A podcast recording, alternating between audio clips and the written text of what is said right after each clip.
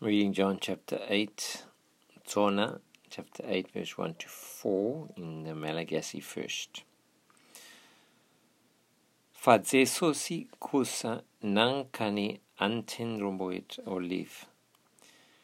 Ary nony maraina ko dia nankeo an-kianjan' ny tempoly indray Jesosy, ary ny vahoaka rehetra nanatony azy. Dia nipetraka izy ka nampianatra azy.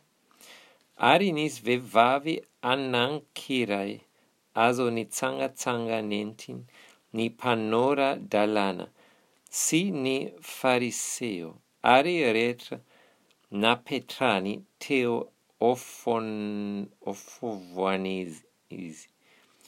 Dia hoy ireo taminy, Mpampianatra ô ity vehivavy ity azo olan-tanàna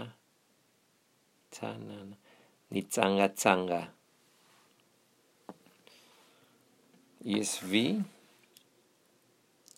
but jesus went to the mount of olives early in the morning he came again to the temple all the people came to him and he sat down and taught them the scribes and the pharisees brought a woman who had been caught in adultery and placing her in the midst they said to him teacher this woman has been caught in the act of adultery